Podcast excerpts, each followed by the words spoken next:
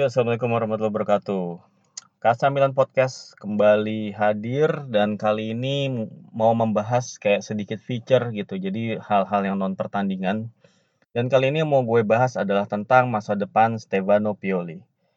Apakah Stefano Pioli ini uh, pantas untuk dapetin kesempatan? Maksudnya akhir apa musim depan dia masih jadi pelatih Milan ataukah sebaiknya Milan ya udah gitu dengan proyek baru bersama Ralf Rangnick aja gitu. Bagaimana plus minusnya? Kenapa? Ya, ini gue akan coba bahas lebih dalam di sini. Jadi gini, uh, setelah rangkaian hasil positif uh, pasca COVID gitu ya, restart ya, setelah kompetisi di restart, itu Milan menunjukkan kinerja yang bagus banget, baik dari sisi hasil maupun dari sisi performa di lapangan gitu ya. Terus performa beberapa pemain yang sebelumnya nggak bagus, itu kemudian bisa jadi bagus. Ya, akan Cahanolu tiba-tiba jadi pemain yang menentukan, ya, mencetak beberapa gol, sering terlibat langsung dalam proses gol, umpan-umpannya makin ciamik, dan juga mentalnya juga semakin terbentuk gitu. Begitu juga Frank Kessie, yang tadinya sering jadi bahan olok-olok ya, sekarang menjadi idola yang tadinya terlihat underrated, sekarang jadi terlihat seperti pemain kunci. Banyak yang membandingkannya dengan pemain seperti Clarence Seedorf atau ya ya gue gak usah sebut nama yang lain lah itu ntar jadi malah exaggerating gitu.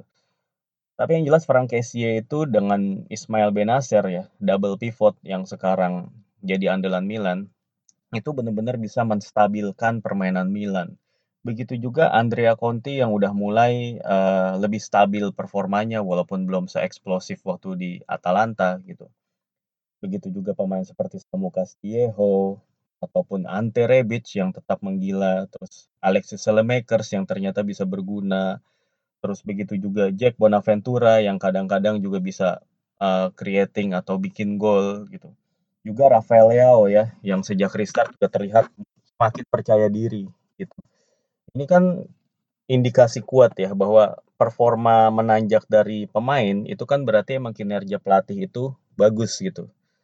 Dan emang benar gitu, nggak salah sama sekali nggak salah kalau bilang kalau kinerja Pioli itu sangat bagus. Ada e, berita ya yang bilang bahwa selama COVID itu Pioli dan juga timnya tetap memantau secara intensif program latihan individual dari pemain-pemainnya di rumah masing-masing. Artinya bahkan dia udah nyusun program untuk pemain yang tinggalnya di apartemen seperti Gigio Donnarumma atau Calhanoglu atau pemain yang tinggalnya di landed house seperti Theo Hernandez ataupun ataupun uh, Davide Calabria.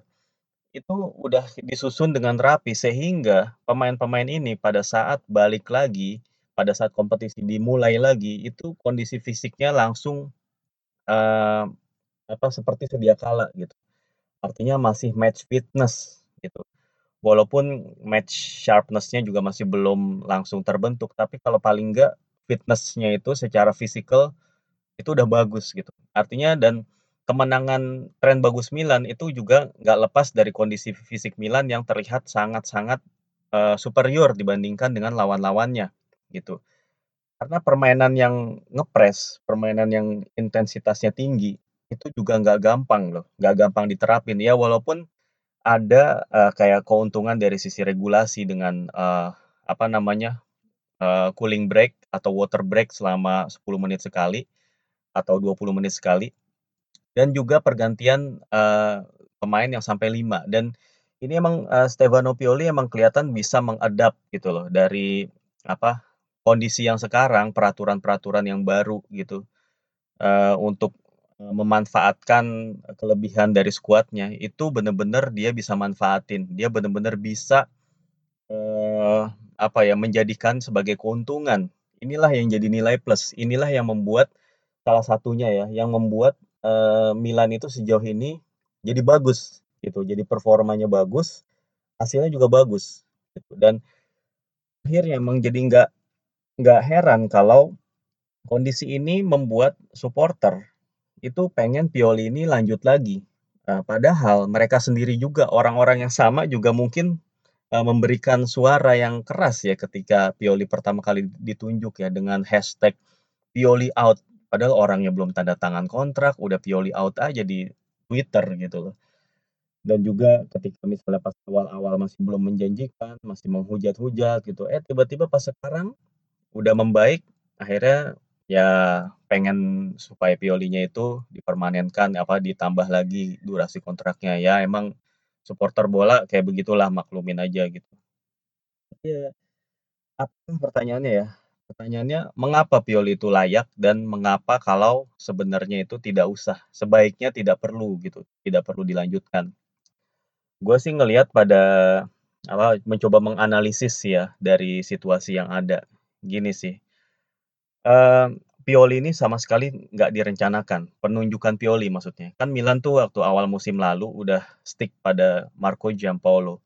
Cuman emang karena ya berbagai hal yang udah gue pernah sebutin di podcast sebelumnya gitu. Mungkin kalau yang belum pernah denger, gue mungkin akan ulang sedikit ya, bahwa penunjukan Giampaolo itu emang tidak diiringi dengan pembelian pemain-pemain yang sesuai dengan gayanya.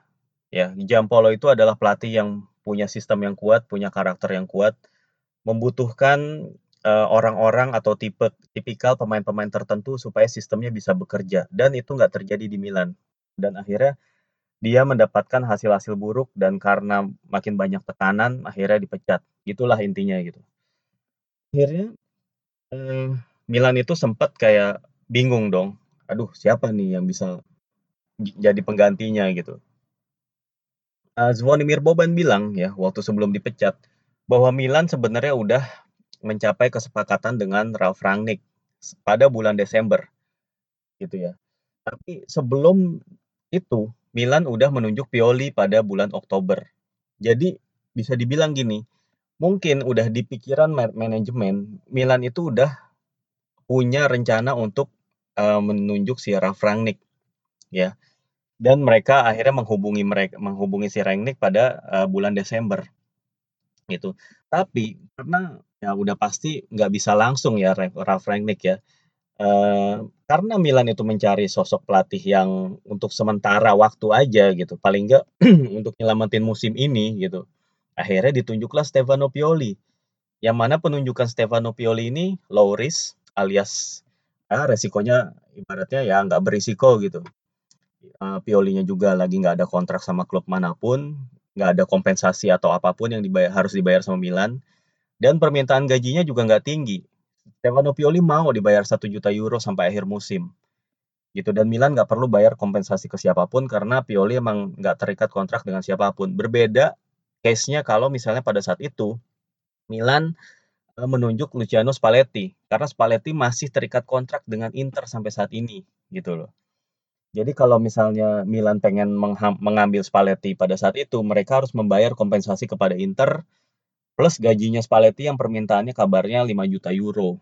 Gitu. Tapi kan ya mungkin manajemen Milan pada saat itu mikirnya ah gile mahal banget. Gitu, kemahalan nggak nggak sesuai lah sama proyeksi finansial mereka. Dan akhirnya dia datangkanlah Pioli. Gitu. Dan manajemen itu tahu bahwa Pioli ini emang cuma buat sementara dan Stefano Piolinya juga somehow gue yakin dia tahu gitu. Gue yakin dia tahu bahwa dia datang itu hanya untuk sementara. Tapi ya sebagai profesional dia tentu ingin membuktikan diri dong kalau wah gue nggak gue nggak seece-ece itu gitu Dan dia sejauh ini udah berhasil membuktiin bahwa dia bukan pelatih yang ece-ece. Kekayaan taktiknya sangat luar biasa. Dia udah mencoba berbagai skema, mencoba dari skema. Dia bisa uh, mainin skema 4-3-1-2, 4-4-2-3-1, 4-4-2, 4-3-3, bahkan pernah 3 back. Jadi menurut gue Pioli ini kalau secara kecakapan taktik itu bagus gitu. Dia uh, sangat kaya taktik. Dia sangat fleksibel. Dan dia nilai plus lainnya adalah dia bisa manfaatin para pemain-pemain baru yang direkrut manajemen. Telemaker, Simon Kjaer, Ibra itu langsung bagus di tangan dia. Begitu juga Ante Rebic, Theo Hernandez, Benacer, ya itu langsung menanjak di tangan dia gitu. Lalu kemudian uh, manajemen juga sebagaimana tadi gue bilang udah tahu bahwa Stefano Pioli ini cuman sementara, cuman si pelatih sementara. Dan karena itulah manajemen itu ngasih dia kontrak atau ngasih dia target yang mereka yakin nggak akan mampu dipenuhi, yaitu lolos ke UCL. Gitu. Dan sampai sejauh ini walaupun performa Milan itu lagi bagus-bagusnya, selisih poin sama zona uh, Liga Champions itu masih jauh gitu ya. Artinya kemungkinan Milan untuk nggak bisa tampil itu lebih besar. Dan akhirnya uh, mau nggak mau karena emang udah ditulis dalam klausul dan juga target yang diamanatkan manajemen, ya udah Pioli ya apa namanya manajemen udah jadi kayak nggak punya kewajiban nggak atau nggak punya apa namanya nggak punya kewajiban secara legal untuk mempermanenkan atau menambah kontraknya Pioli. Jadinya ya udah kan dari awal gue udah bilang kalau lu nggak mampu lolos ngebawa Milan lolos ke Liga Champions ya lu stop gitu. Tapi kalau lu mampu lu lanjut gitu. Dan itu emang target yang seems mustahil gitu karena emang ya untuk mencapai level ini gitu itu kan Pioli butuh waktu gitu butuh berapa bulan untuk bisa menyeimbangkan kapal yang udah yang lagi goyang ini gitu. Sehingga akhirnya bisa bisa steady bisa settle lagi gitu. Tapi emang uh, Stefano Pioli ini uh, menurut gue ya itulah bukan bukan tipikal pelatih yang bisa lo pakai gitu untuk mengejar target yang lebih tinggi. Gitu. Dia tetap punya batasan ya kemampuan dia emang segini gitu. Dia dia termasuk pelatih yang capable sebenarnya, capable untuk mampu ngelolosin timnya ke Liga Champions. Dia pernah ngelakuin itu pada saat dia memegang Lazio. Ya waktu tahun 2013 kalau nggak salah 13 14 lah ya.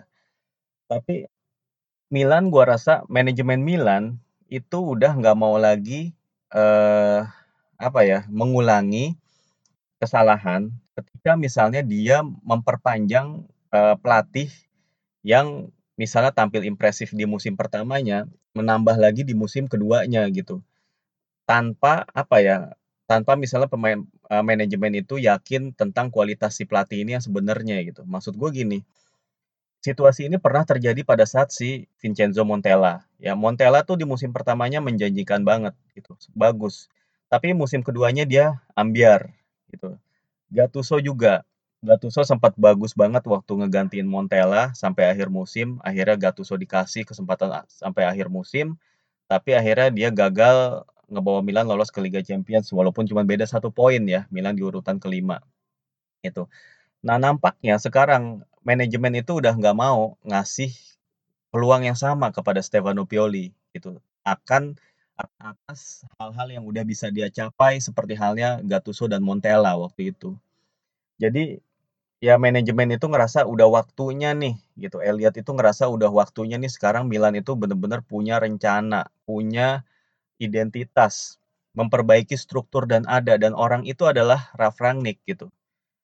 Milan tuh e, ngerasa orang itu harus secara keseluruhan bisa mengejawantahkan visi dari manajemen yang mana visi dari manajemen itu mencakup eh, hal-hal yang finansial, memperbaiki kondisi finansial, kemudian memperbaiki akademi, memperbaiki sistem rekrutmen, memperbaiki segala macam tentang nutrisi, tentang fasilitas di tim, tentang segala macam yang ada di Milanello itu kayaknya pengen diperbaiki dan uh, dipercayakan kepada seorang Ralf Rangnick. Gitu. Kenapa? Karena sebagaimana kita tahu ya, dan mungkin lu juga udah tahu bahwa Ralf Rangnick ini adalah bukan cuma sekedar pelatih gitu. Dia ini adalah bisa dibilang seorang profesor dalam dunia sepak bola. Gue udah tiga, ada tiga atau empat episode lah, tiga episode gue bikin sendiri. Satu episode yang gue bikin bareng sama Filtak Indonesia yang ngebahas tentang Ralf Rangnick. Lu mungkin bisa dengerin episode-episode tersebut, tapi nggak apa-apa gue ulangin sekali lagi. Ya, bahwa Ralf Rangnick ini emang sekilas ya kalau lu cuman kayak fans yang ngelihat pencapaian seseorang atau seorang pelatih itu hanya sebatas berapa koleksi trofinya atau gelar Bundesliganya ataupun medalinya, lu nggak bakal nemuin pada Ralf Rangnick gitu. Lu nggak bakal bisa menghargai sosok seperti dia. Tapi kalau ngelihat bagaimana dia menjadikan klub yang tadinya tidak ada menjadi klub yang mapan, ya lu bisa itu uh, si Ralf Rangnick itu bisa buka suara di situ. Eee, TSG Hoffenheim itu waktu sebelum, eee, ditanganin oleh Rangnick ya, itu tadinya itu cuman kayak klub apa, cuman pabrikan doang, kayak klub perusahaan gitu. Cuman di tangannya Ralf Rangnick, dia bisa ngebawa dari Bundesliga 3 ke Bundesliga 1 dalam waktu yang singkat, sehingga sekarang mapan di Bundesliga gitu. Dan di Hoffenheim itu dengan sudah dibangun oleh si Rangnick, itu nggak cuman jadi tim yoyo yang artinya, eee, lolos karena cuman keberuntungan doang ataupun eee, apa namanya, lolos karena hal-hal yang ya di luar teknis gitu. Tapi si Hoffenheim ini emang udah punya sistem yang bagus gitu, udah mem apa, mendasari ataupun menggunakan pendekatan-pendekatan saintis dengan menggunakan data, merekrut pemain-pemain muda dan dilatih dengan bagus gitu. Itu awalnya yang ngebikin blueprint-nya itu si Rangnick gitu. Itu begitu juga tim seperti Schalke dan juga yang terakhir tentunya Red Bull Leipzig, Rasenballon Leip Leipzig, ya. Bagaimana kita tahu Leipzig itu juga itu baru berdiri tahun 2012 men, kalau nggak salah 2012 ya. Tapi hanya dalam waktu singkat, nggak nyampe satu dekade, dia udah main di Bundesliga dan udah ada di perempat final Liga Champions, gitu. Kalau lu adalah orang yang bisa menghargai sebuah proses, lu harusnya bisa menghargai seorang Ralf Rangnick. Karena Rangnick itu bener-bener ngebangun semuanya dari awal, from the scratch, literally from the scratch. Jadi dari yang belum bener-bener baru dibikin, baru berdiri itu klub, si pemiliknya itu udah ngasih mandat kepada Ralf Rangnick untuk lu bikin deh nih, gue gue punya duit, gue punya apa, gue punya investasi, gue pengen investasi di bidang sepak bola. Tolong dong lu bikin semuanya lu siapin semuanya dari A sampai Z dan Rangnick itu bisa gitu. Bahkan pada tahun-tahun awalnya, dua tahun pertamanya di Red Bull Leipzig, dia tuh turun langsung jadi pelatih. Turun langsung untuk jadi pelatih, ngebikin sistemnya, ngebikin cara bermainnya, sekaligus ngedesain pola rekrutmennya sampai milih milih menu makanannya, ngatur jadwal bisnya, itu juga dia gitu. Dia adalah seorang yang bisa memegang, uh, mengontrol sebuah klub itu secara total gitu. Dan menurut gue emang nggak banyak orang-orang seperti itu ya di dunia sepak bola. Menurut gue itu itu beyond nih, menurut gue itu lebih dari sekedar trofi yang dia bisa kasih. Dan pada saat nanti Red Bull Leipzig itu uh, bisa meraih trofi, itu nggak lepas dari tangannya Rangnick, menurut gue gitu. Dan gak lupa dia juga uh, apa kalau soal rekrutmen pemain-pemain yang tadinya nggak dikenal itu akhirnya jadi pemain terkenal. Timo Werner, uh, Sadio Mane, ya you name it lah, Minamino, uh, Christopher Nkunku, Marcel Sabitzer, ya banyak lah, banyak banget. Terus belum lagi pelatih-pelatih yang juga banyak belajar dari dia, kayak Julian Nagelsmann, Ralf Hasenhuttl, ya itu sedikit aja. Artinya dia tuh seperti seorang guru, makanya dijulukin profesor gitu. Karena kan kalau di Eropa sana kalau kita manggil dosen itu dengan sebutan profesor kan, Prof. Jadi emang dia tuh seorang guru gitu. Bagi di mata pelatih-pelatih dia tuh seorang guru. Di mata investor dia itu adalah seorang uh, apa ya? Seorang inventor, seorang penemu, seorang yang bisa uh, ngebikin sesuatu dari nggak ada jadi ada, ngebikin sistem, terus ngebikin pola rekrutmen dan segala macam dari A sampai Z urusan klub dia paham gitu. Dan orang seperti inilah ya balik lagi ke Milan, orang seperti inilah yang manajemen seperti Elliot ini butuhkan gitu. Karena emang apa yang dilakukan bisa membuat manajemen itu mencapai semua targetnya dalam hal finansial. Misalnya Milan itu pengen memperbaiki finansial. Ralf Rangnick itu tahu gitu. Dia udah punya list banyak banget daftar pemain-pemain yang masih muda yang tadinya nggak dikenal untuk direkrut gitu. Emang pada musim pertamanya kita nggak usah expect pemain ini langsung jadi penentu, langsung jadi pemain top, nggak mungkin juga, butuh proses gitu. Teknik ini juga butuh uh, butuh setidaknya gua rasa sih dua atau tiga musim lah untuk benar-benar idenya itu bisa benar-benar uh, grip banget sama lingkungannya Milan, lingkungan baru Milan gitu. Ya. Dan emang ada kekhawatiran sih, ada ada pertanyaan-pertanyaan lah daripada ya biar gimana pun ranking itu kan hebatnya di Jerman, dia belum pernah teruji di luar Jerman. Lebih baik mempercayakan kepada Stefano Pioli. Lagi-lagi gue bilang, gue sangat mengagumi Stefano Pioli, gue sangat menyukai dia sebagai sosok pelatih gitu. Stefano Pioli itu kalau gue lihat pada saat wawancara, dia orangnya tuh karismatik juga, dia orangnya kelihatannya seems, eee, orang baik, nice guy gitu. Kata-katanya tuh tersusun, nggak nggak yang meledak-ledak, nggak nggak suka ngeluarin kata-kata kasar atau kata-kata makian. Pokoknya orangnya kebapaan dan nggak heran pemain-pemain itu juga pada suka sama dia, gitu. Dan dia juga secara taktik bagus. Menurut gua Stefano Pioli is a good man, gitu. Ya. Tapi, eee, harus realistis juga sih, gue juga ini sebenarnya berat ya. Harus realistis juga bahwa Milan itu emang butuh project yang jelas dan orang ini adalah Ralf Rangnick. Seandainya Pioli itu bisa cocok, bisa duduk satu meja sama Rangnick, terus mereka ngebicarain ini itu dan kemudian bisa tercapai kata sepakat, gue itu akan akan sangat ideal banget gitu menurut gue. Di bahwa si Rangnicknya di tahun pertama, ya udahlah dia jadi sporting director aja, terus urusan teknis uh, di lapangan itu buat Stefano Pioli aja yang ngurusin. Tapi gua rasa itu nggak mungkin karena Rangnick itu pasti dia menginginkan full control gitu. Dia menginginkan total control yang mana dia bisa uh, mendesain dari dari mulai kayak mendesain gitu sampai mengeksekusi hal-hal yang detail gitu.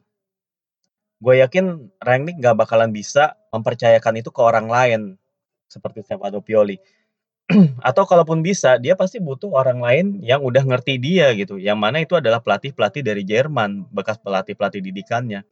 Tapi kan untuk saat ini nggak mungkin si Rangnick itu misalnya bawa uh, bawa pelatih lagi gitu.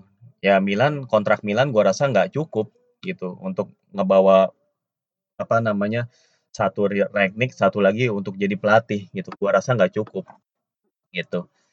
Dan apa namanya uh, to be honest ya, ya itu lagi balik lagi, Stefano Pioli is a good man, uh, a good coach gitu. Beberapa orang akhirnya mengakui Stefano Pioli itu pelatih bagus gitu ya. Dan gue setuju dan tapi ya tetap aja gue punya rasa ketakutan bahwa Stefano Pioli itu akan eh, nggak bisa deliver, nggak bisa perform seperti halnya Gennaro Gattuso dan Vincenzo Montella pada musim keduanya. Dan itu takut ya kalau itu terjadi, ya kita akan mengenang Pioli nggak seperti sekarang gitu. Ya, jadi mungkin anggap aja hikmahnya kalau misalnya emang Stefano Pioli harus keluar dalam kondisi yang sekarang gitu ya, dalam uh, pada saat dia udah memberikan yang terbaik dan uh, udah membawa Milan ke Eropa, ya paling enggak fans Milan itu akan mengenang dia dengan baik gitu. Pioli itu akan pisah dengan Milan itu secara baik-baik gitu, nggak nggak lagi dengan apa ya, dengan banyak dendam atau dengan ngebawa kemarahan gitu. Dia keluar dengan peace gitu loh.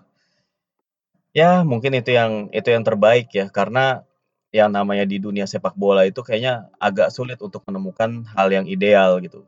Tapi kalau dicari yang terbaik ya inilah emang buat kalau emang buat kemajuan Milan ya inilah yang harus dilakuin gitu. Karena emang Milan itu harus berani berubah ya, berani untuk ngasih posisi-posisi strategis itu kepada orang luar Itali gitu yang emang apa namanya mungkin punya metode yang berbeda, punya cara yang beda karena ya sejauh ini cara yang udah dipakai itu nggak nggak berhasil gitu. Dan emang Milan itu bu, emang benar-benar butuh overhaul alias butuh untuk diubah semuanya strukturnya itu emang dari bawah dari soal rekrutmen, dari soal akademi gitu ya, dari soal struktur gaji itu emang harus dirubah semua gitu dan kalau Milan yang ingin ngedapetin semuanya dalam satu paket, emang nggak ada salahnya untuk mempercayakan kepada seorang, seorang Ralf Rangnick gitu. Dan mungkin kalau in the expense of uh, seorang Stefano Pioli, ya ini emang pilihan lagi-lagi gitu loh. Lagi-lagi ini adalah pilihan dan pertanyaan mengenai apakah Rangnick itu bisa langsung sukses di Italia menurut gue sukses atau enggaknya Rangnick itu akan tergantung penuh kepada dukungan manajemen Artinya kalau manajemen itu support 100%, ngebeliin pemain-pemain yang dia request, nyediain fasilitas-fasilitas yang dia minta, atau kayak sistem-sistemnya diterapin, menurut gue nggak ada alasan buat Rangnick itu untuk nggak sukses gitu. Ini cuman kayak mindahin aja. Ibaratnya kan kayak ini kayak perusahaan deh gitu. Perusahaan lu pengen implementasi uh, software tertentu gitu. Misalnya perusahaan lu uh, ganti ganti kepemilikan nih tuh perusahaan, sistemnya juga diganti. Ya kan mau nggak mau lu harus ganti sistem juga dan itu ya emang butuh waktu untuk setting, butuh bleeding banget gitu untuk, eee, apa namanya, bisa supaya sistemnya itu jalan, ya begitu juga klub gitu. Tapi kan asal manajemen yang ngedukung, ya, dan akhirnya juga semua fasilitas itu tersedia, menurut gue nggak masalah gitu. Kalau emang masalah kultur, masalah supporter, gue rasa juga supporter kalau emang Rangnick-nya tuh terbukti bisa bagus, menurut gue dia akan mendapatkan dukungan juga. Supporter tuh akan ngedukung. Gue rasa sih uh, fans Milan ya, terutama mungkin juga ultras gitu ya. Mungkin juga dari apa supporter-supporter yang terdaftar di Milan, terasosiasi sama Milan. Mereka juga pada akhirnya akan menerima Rangnick gitu. Kalau dia bisa terbukti memberikan prestasi gitu. Karena emang Milan ini udah emang udah waktunya balik lagi ke level top gitu. Dan selama itu apa kalau misalnya ada orang yang bisa ngebawa mewujudkan semua itu, gue yakin akan diterima dengan tangan terbuka. Walaupun ya itu apa namanya harus melepaskan seorang yang sebaik Stefano Pioli gitu. Ini emang ya balik lagi ini adalah anggap aja ini adalah sebuah uh, keputusan yang profesional ya dan ini adalah sebuah uh, lu memaknainya aja sebagai sebuah industri gitu. Jadi ya emang beginilah adanya gitu. Mungkin lu bisa berharap kalau misalnya ntar uh, uh, Milan itu dijual sama Elliot, dibeli uh, dibeli oleh siapa gitu, terus kemudian bisa di-hire lagi si Stefano Pioli bersama juga dengan Paolo Maldini, Boban atau semua legend yang lu mau, ya itu mungkin bisa aja terjadi gitu. Tapi selama owner lu tuh masih Elliot yang punya tujuan-tujuan tertentu terhadap klub ini gitu, yang mana tujuannya itu nggak semuanya tuh jelek gitu. Ada akan ada impact positifnya buat Milan. Ya keadaannya akan seperti ini gitu. Kita cuma bisa menerima, kita cuma bisa kayak oh ya udah gitu. Kasih dukungan gitu ya. Uh, kita juga mencoba mengerti situasi demi situasi gitu ya dengan kita juga nggak usah kayak menebar kebencian kepada seorang sosok-sosok kayak Ivan Gazidis kayak karena biar gimana pun ya Gazidis seperti yang gue bilang berkali-kali Gazidis itu cuma karyawan walaupun jabatannya adalah CEO tapi dia tuh karyawan dia itu tetap disuruh sama owner tetap ada yang nyuruh dia yaitu si Elliot gitu si Gordon Singer gitu. Dia bukan dia emang jadi pengendali di orang bisa dibilang nomor satunya di Milan gitu. Tapi tetap di belakang dia tuh ada ownernya. Gazidis itu cuman kayak disuruh gitu loh. Ya kalau misalnya lu ngebenci Gazidis karena itu ya ya salah sasaran menurut gue. Ya tapi ini adalah konsekuensi. Kalau misalnya emang Elliot pemiliknya berarti ya Elliot udah percaya sama Gazidis ya udah gitu loh. Nggak ada yang bisa kita lakukan. Menurut gue sih gitu ya. Ya udahlah. Uh, jadi gitu aja sih menurut gue. Jadi, uh, sekali lagi kesimpulannya adalah Stefano Pioli dengan segala hormat itu udah melakukan pekerjaan yang sangat eksepsional gitu ya. Dengan dia udah di underestimate segala macam, dengan segala keterbatasan, dengan segala konflik yang ada, dia bisa mendamaikan klub ini, dia bisa men menstabilkan ibaratnya kapal yang tadi goy tadinya goyang-goyang, dia bisa stabilin lagi, dia bisa membuat pemain-pemain itu tampil bagus, dia bisa membuat tim yang solid dengan tim-tim apa uh, dengan kondisi ruang ganti yang sehat gitu ya. Dia juga bisa uh, mendapatkan respect dari pemain yang seperti Ibra gitu, seorang alpha male seperti Ibra bisa respect sama dia itu kan berarti sesuatu gitu loh. Jadi ya menurut gua all the best buat Stefano Pioli. Kecuali kalau misalnya ada plot twist ya. Mungkin kalau mudah-mudahan lu dengar ini sampai akhir, kalau misalnya ada plot twist, tahu-tahu Milan bisa lolos ke Liga Champions, nah barulah gue yakin Stefano Pioli akan dipertahankan. Tapi kalau itu nggak terjadi, gue nggak yakin uh, Stefano Pioli masih akan ada di sini musim depan gitu. Tapi ya biar gimana pun, all the best buat coach Stefano Pioli. Gue belum apa-apa udah ngomong gini duluan. Gue yakin uh, kalau misalnya lu udah melakukan sesuatu yang positif di Milan uh, dan ternyata lu nggak bisa mempertahankan pekerjaan lu, gue yakin akan banyak klub lain di luar sana yang akan memberikan lu kesempatan dan semoga aja berhasil gitu loh. Semoga aja pengalaman di Milan ini akan memberikan pelajaran yang berharga buat lu juga dan membuka mata dari klub-klub lain gitu. Ya. Kalau emang butuh pelatih ya lu adalah orangnya, lu adalah orang yang lebih dari mampu gitu. Dan pada akhirnya ya misalnya apa reputasi lu yang track record lu yang dulu nggak pernah bertahan lama di klub juga selalu dipecat ya itu lama-lama akan hilang dengan sendirinya gitu. Karena emang pelatih juga kadang-kadang pelatih itu juga butuh waktu untuk proses. Nggak semua pelatih itu kayak Pep gitu, yang di musim pertamanya langsung ngasih trofi, yang udah punya sistem yang begini-gini. Nggak semua pelatih kayak gitu. Ada pelatih yang emang yang juga dalam tanda kutip late, late bloomer juga gitu. Ada juga pelatih yang bisa baru baru dapat gelar itu pada saat mereka udah cukup senior itu ada. Nggak cuma pemain, pelatih juga ada dan mungkin mungkin aja Stefano Pioli adalah sosok yang seperti itu gitu dan dari situlah kita bisa mengapresiat seorang Stefano Pioli menurut gue. Jadinya ya ya sekali lagi ya mungkin itu aja lah, udah itu aja yang mau gue sampein, uh, kurang lebihnya mohon maaf ya. Kalau emang nggak sependapat sama gue ya silakan lu bisa bikin podcast juga, lu bisa nulis atau apa pun gitu, silakan aja kalau lu punya opini yang berbeda, kita bebas-bebas aja.